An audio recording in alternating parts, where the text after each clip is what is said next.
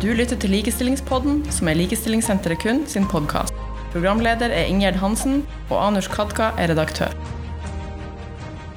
Og det er majoriteten som på en måte skal ha spørsmålet hvorfor ikke majoriteten kommer dit at man også ser at det er normalt med funksjonsvariasjon. Det finnes ikke noe land i verden uten funksjonsvariasjon. Tema for denne episoden av Likestillingspodden er det årelange arbeidet for anerkjennelse av at også funksjonshemmede utsettes for hatkriminalitet i Norge, og at dette skulle synliggjøres i straffeloven. I spissen for denne viktige kampen i norsk likestillingshistorie sto kriminolog Berit Vegheim. Berit er leder for stiftelsen Stopp diskrimineringen, og en av de som kan mest om hatkriminalitet i Norge. Og det var der vi starta da vi traff henne til en samtale, med å be om en utdyping av hva hatkriminalitet egentlig er.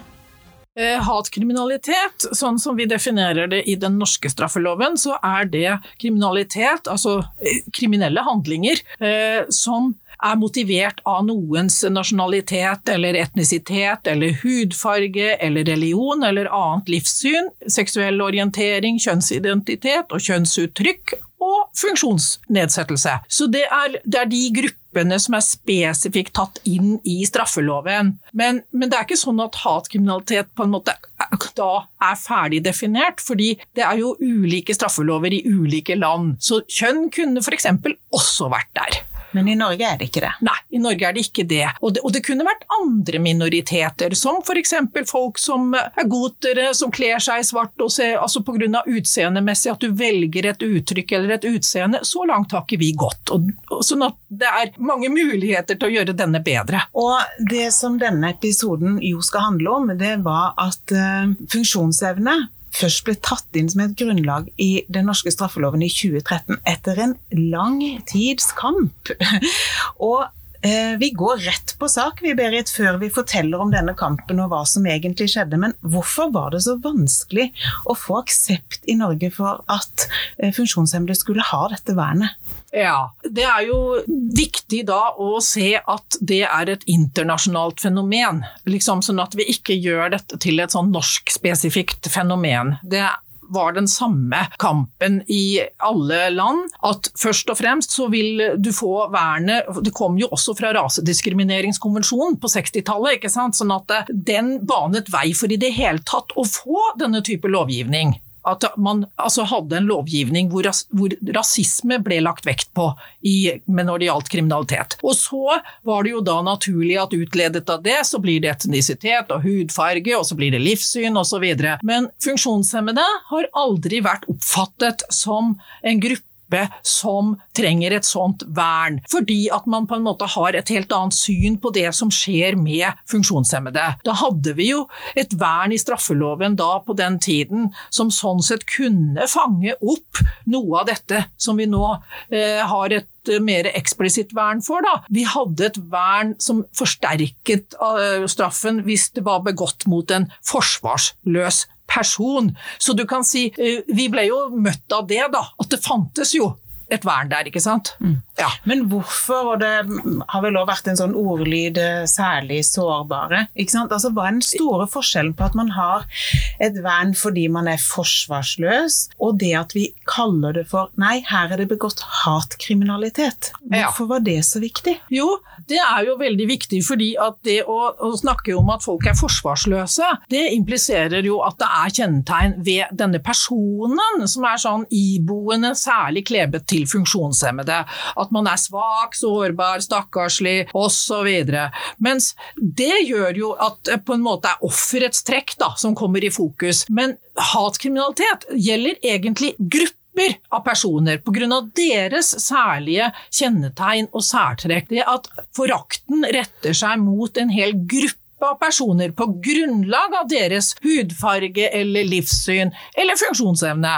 Sånn at det er grupper gruppen som får dette vernet. Mm. Og da uttrykker samfunnet samtidig at det er viktig, det er et stort samfunnsproblem at vi i vårt samfunn har sånne holdninger til befolkningsgrupper mens hvis du holder på og kleber det til sånn forsvarsløs person, så vil du hele tiden bare gjøre det til enkeltstående, tragiske, beklagelige tilfeller, sånn som media fortsatt gjør.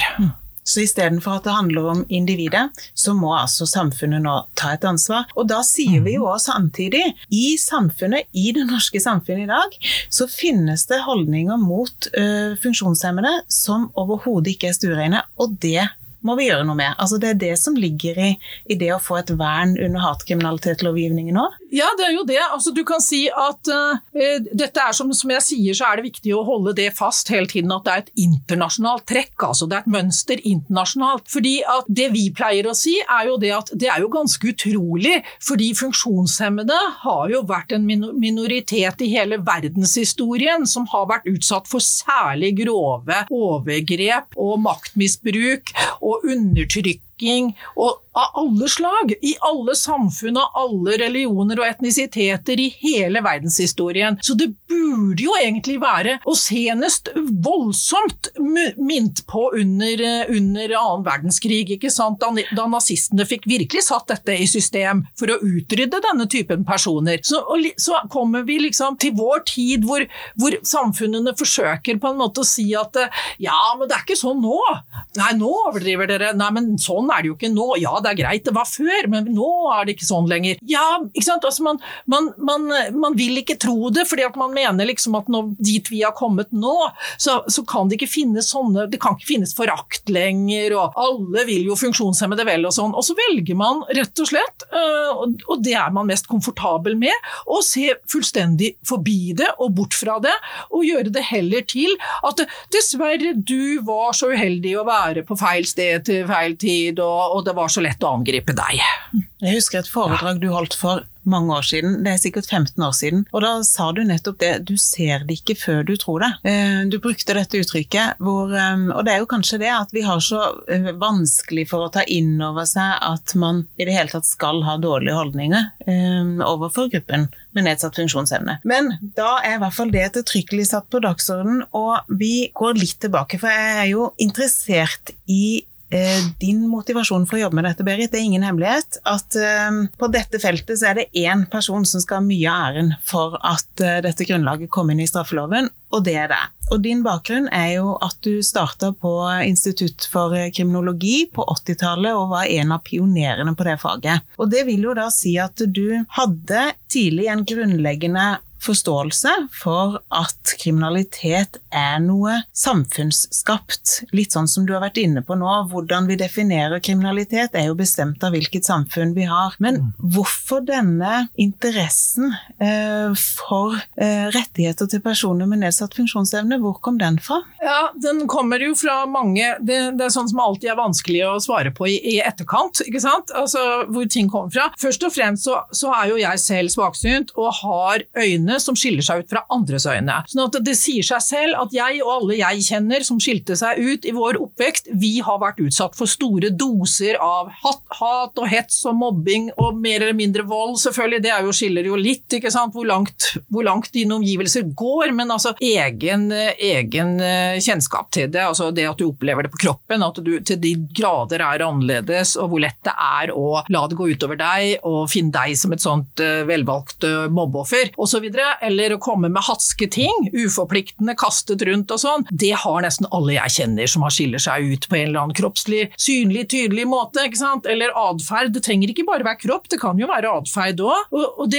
og, og det er så massivt at jeg tror du skal lete lenge før du finner noen som ikke ikke har opplevd det.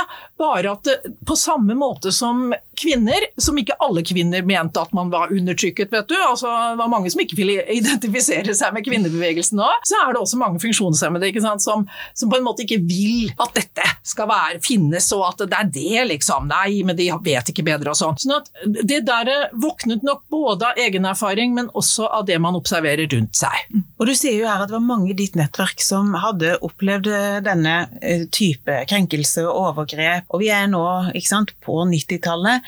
Men det finnes jo ikke engang noe ord for dette her. Eh, det måtte du vel da til andre land for å for å finne. Altså, vi hadde ikke engang noe begrep på det som på godt engelsk kalles «disabilism». disableism. Nei, og det har vi jo ikke i dag heller. Altså, vi har ikke noe godt begrep på disableism. Og, og jeg elsker disableism fordi det putter det inn i isme.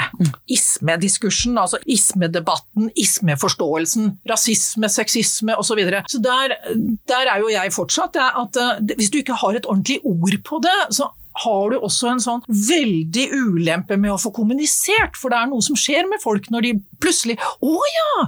Ismer, ja!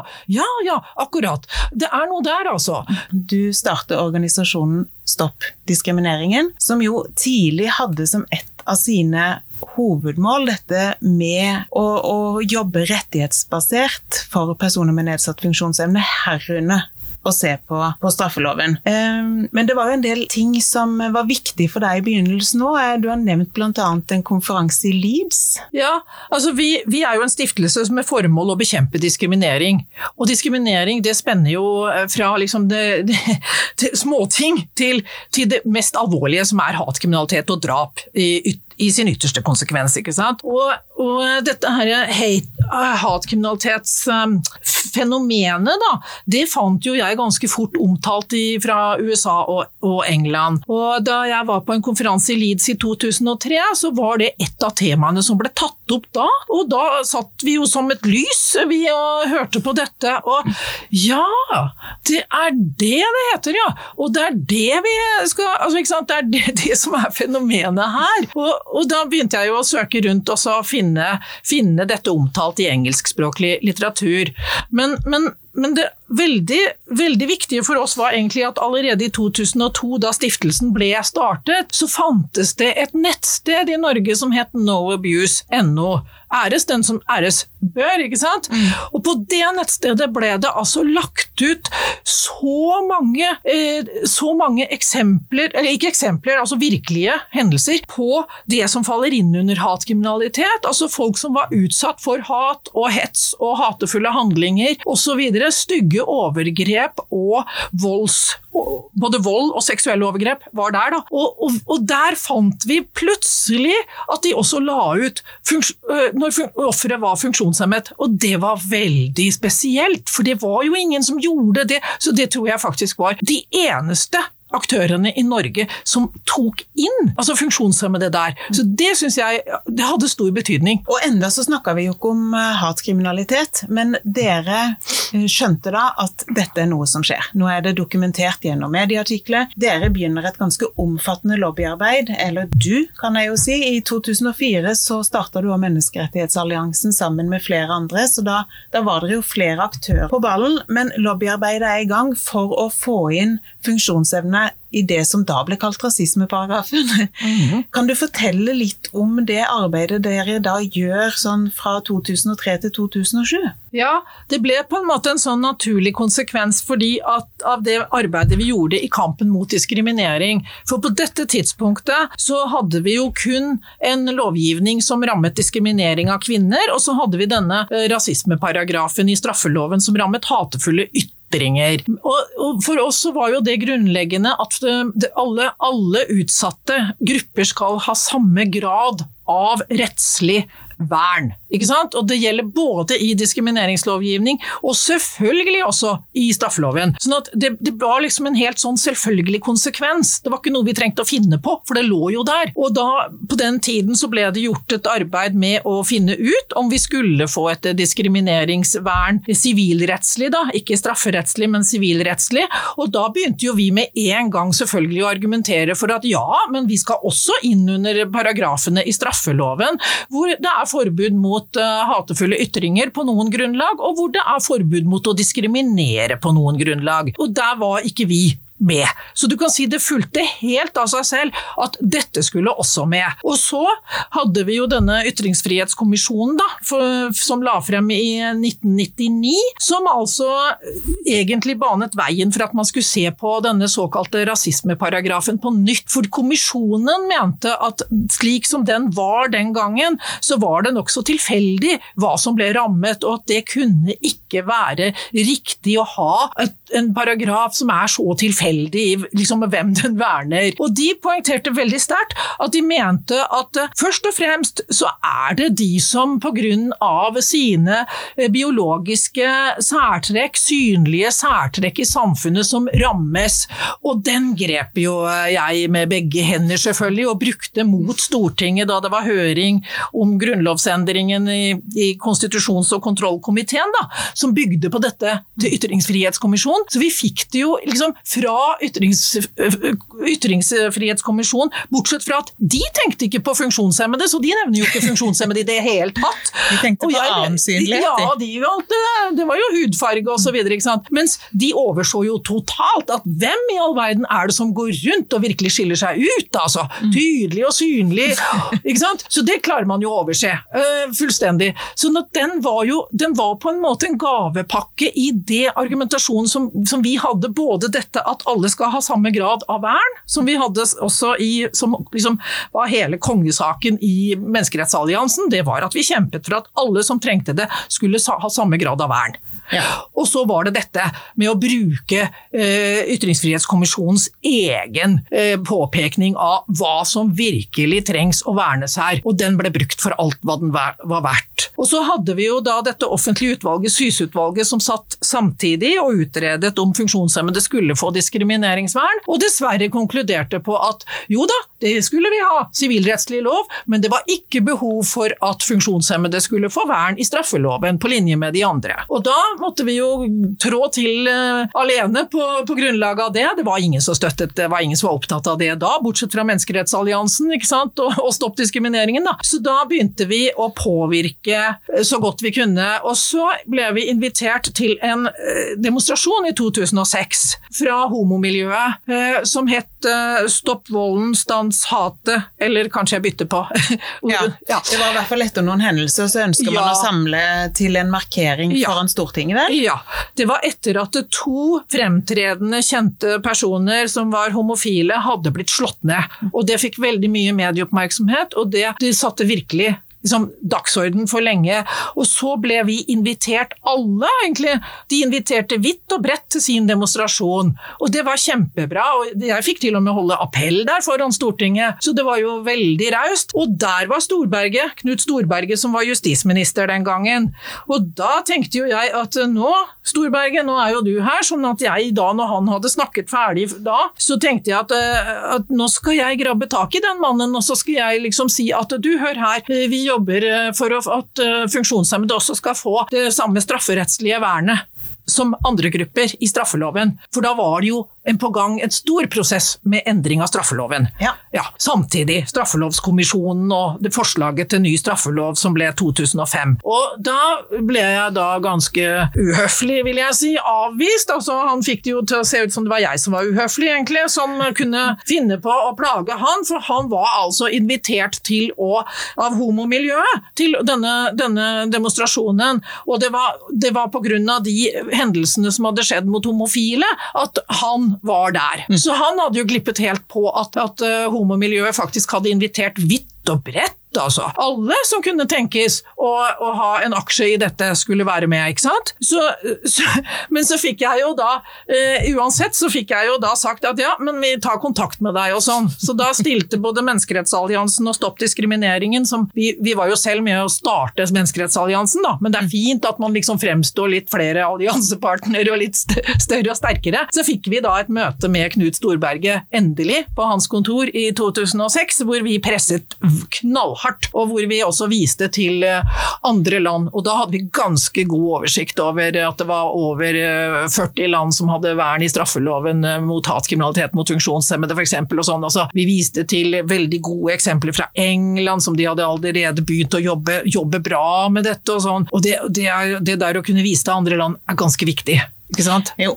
Og dere, må jo ha gjort inntrykk på uh, Storberget, for uh, høsten 2007 så går altså Storberget ut i avisa og sier at nå skal politiet begynne å registrere hatkriminalitet særskilt, og da bruker han ordet hatkriminalitet mm. og sier at uh, politiet må hive seg rundt, for i løpet av året så skal det opprettes et helt nytt register, sånn at vi får en oversikt over dette. Og i samme åndedrag så sier jo Storberget til Aftenposten at hatkriminalitet gjelder òg for personer med nedsatt funksjonsevne. Så da skulle en jo tro at uh, seieren var klar? Ja, det skulle man tro.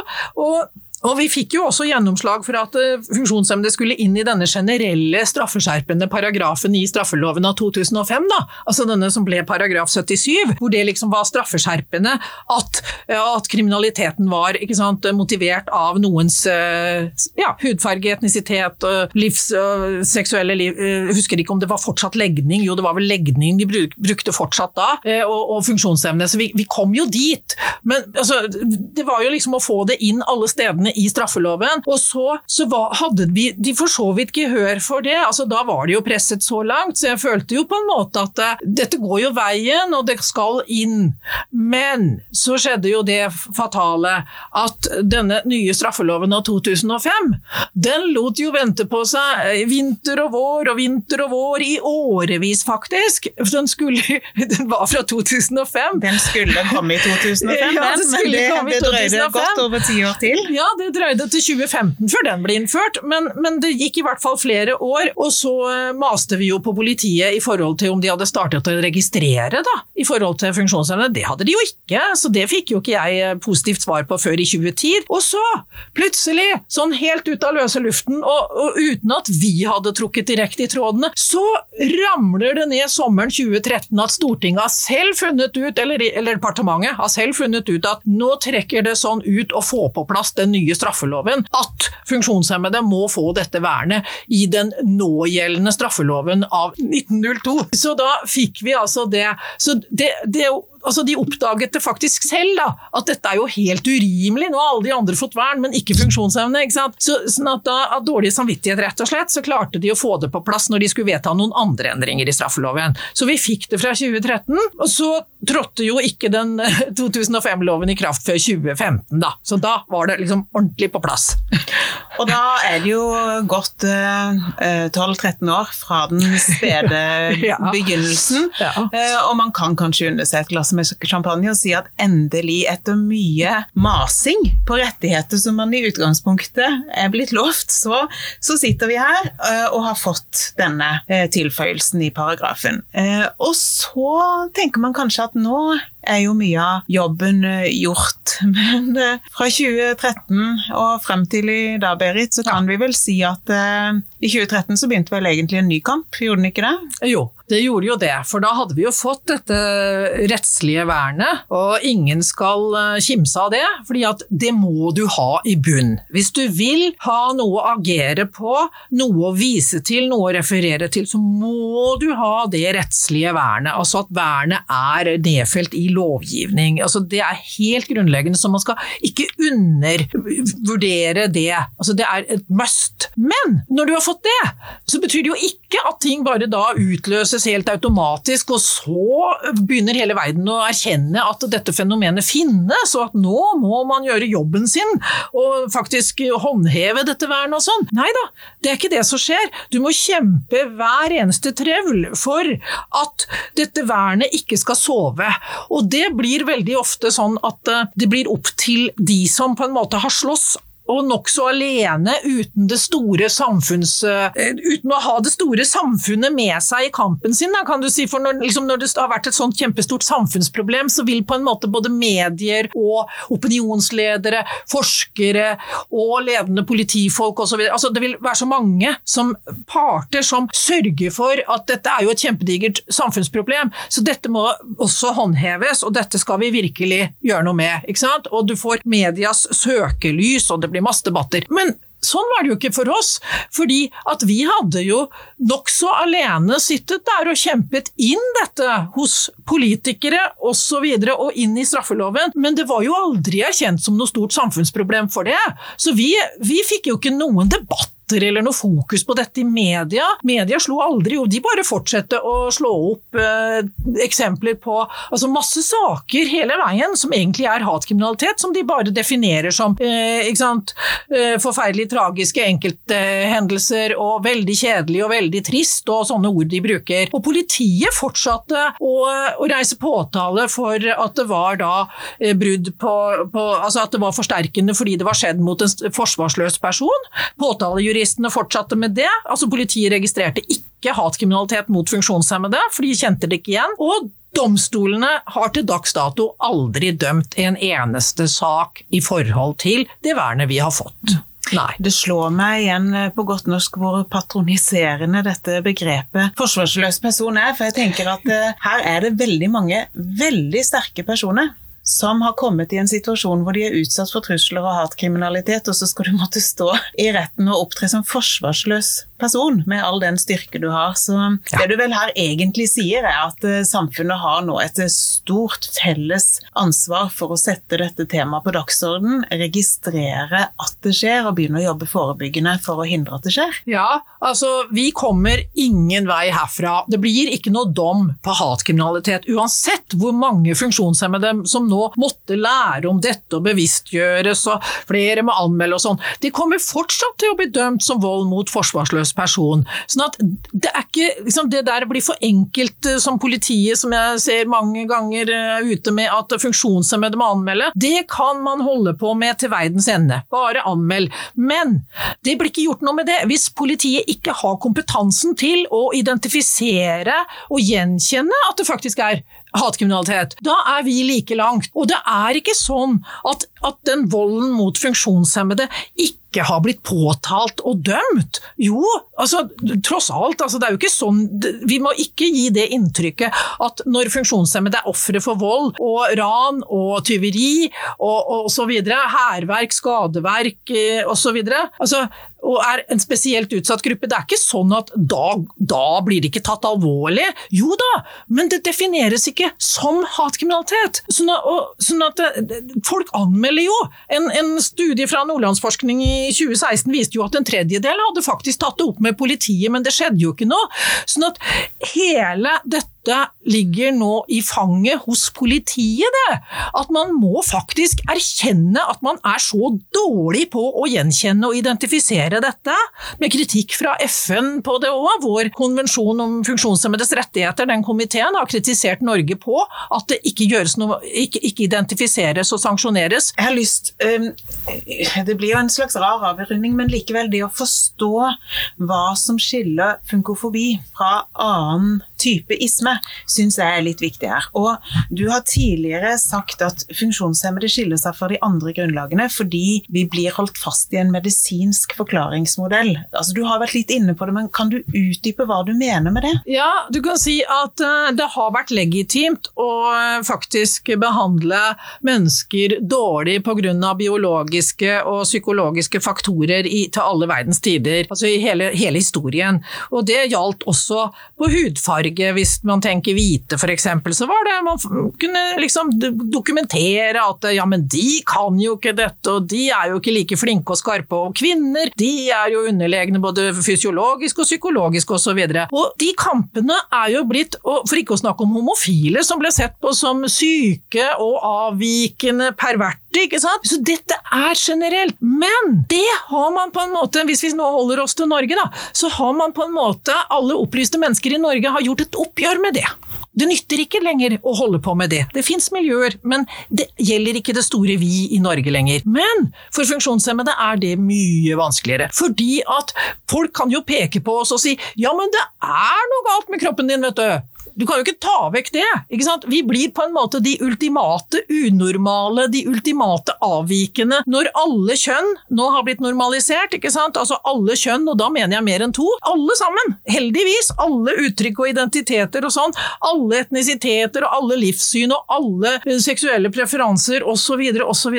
Alt, alt, absolutt alt. Når alt det der er erkjent og blitt normalisert, og selvfølgelig ikke skal eh, rettferdiggjøre verken at at man blir diskriminert, eller at man utsettes for mobbing, trakassering, hat, ytringer eller hatefulle handlinger på andre måter, vold osv., ja, da sitter vi der igjen og blir på en måte de da liksom de ultimate unormale, for alle de andre har blitt normale. Hvis noe er normalt, så trenger du alltid noen som er unormal, og den rollen går funksjonshemmede i hele verden rundt og bærer. Og den er mye, mye mer vanskelig å løse seg fri fra, fordi vi rett og slett med kropp våre, uttrykkene våre, på en måte eh, sier Altså kommuniserer til majoriteten, da, at vi Ja, men det er jo noe galt med oss. Sånn vil majoriteten ha det. Og det er majoriteten som på en måte skal ha spørsmålet hvorfor ikke majoriteten kommer dit at man også ser at det er normalt med funksjonsvariasjon.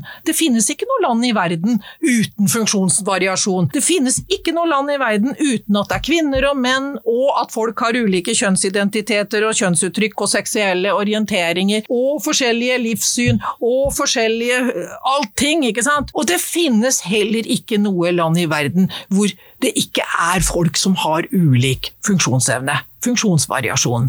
I alle verdens land. Det er helt normalt. Alt dette hører til i et naturlig menneskelig mangfold. Men det er en krevende øvelse, og egentlig så savner jeg at Det som smerter mest, er egentlig at vi da aldri får de debattene ut i offentligheten, for dette interesserer ikke media seg for. Så vi får på en måte aldri konfrontert majoriteten, vi. Hvorfor majoriteten holder oss fast i dette, når majoriteten har tatt sitt oppgjør med seg selv, med alt det andre. Det er jeg som blir liksom nødt til å svare svare på det bestandig, men det er jo ikke jeg som har svaret, det er majoriteten som har svaret. Og jeg tenker jo at majoriteten trenger å høre dette, og trenger å høre det fra deg, Berit. Og da blir det siste spørsmålet mitt. Med så mange års eh, kamp, og du ser at vi fortsatt langt ifra er i mål, eh, mye av den store kampen ligger fortsatt foran oss, eh, hvordan klarer du å bevare dette engasjementet ditt år etter år. Hvor, hvor, ligger hemmeligheten din? Ja, nå er det jo selvfølgelig at man bevarer det fordi man eh, faktisk ser og vet og kjenner til at det skjer. Ikke sant? Altså, det, er jo, altså, det, det, er der hele tiden. Du går ikke bort for det om jeg skulle finne på å si at eh, nei, nei, men det er sånn. nei nå gidder vi ikke det, nå, nei, nå glemmer vi det. Altså, det er jo der. Jeg, jeg, sanker og samler saker fra media hele tiden. Jeg er på grov hatkriminalitet. Så, så du får jo eh, påminnelser hele tiden, og da får du også et dytt bak hvis du skulle finne på å sette deg ned. Men veldig mye av, av, det som har gjort at man har troen på seg selv, og at man faktisk driver med noe som er, ja, som, som, som, altså, som er liv laga, da. Det er jo det derre at man har et internasjonalt miljø, et internasjonalt nettverk, at man følger godt med på hva som skjer i andre land, og ser at alt dette er et internasjonalt mønster, men at funksjonshemmede f.eks. i England har kommet mye lenger det gir jo inspirasjon og håp, ikke sant. Sånn at det, det internasjonale er utrolig viktig. Hvis man hadde sittet helt alene her hjemme i Norge, så hadde man fort både gitt opp og mistet både piffen og troen og alt som var. Du sa tidligere i denne episoden 'æres den som æres bør'. Jeg har lyst til å avslutte med de samme orda. Æres den som æres bør, Berit Vegheim, på vegne av oss alle, som får leve i et rausere Norge fordi du orker å ta kampen, og som har fått muligheten til å reflektere breiere fordi du stadig orker å heve stemmen. Stort takk. Ja, tusen takk for at jeg fikk være med på dette, da. Du har lytta til en episode av Likestillingspodden fra Likestillingssenteret KUN. Hør også gjerne flere av våre episoder, og vi blir glad om du vil abonnere på podkasten. Den er gratis, og du finner den på Spotify, Google Podcast, Apple Podcast, Radio Public eller på hjemmesiden vår kun.no likestillingspodden. Vi tar gjerne tilbakemelding fra deg på denne episoden, eller tips om personer vi bør snakke med, og temaer vi bør ta opp. Kontakt oss på postalfakrøllkun.no. Vi høres i neste episode.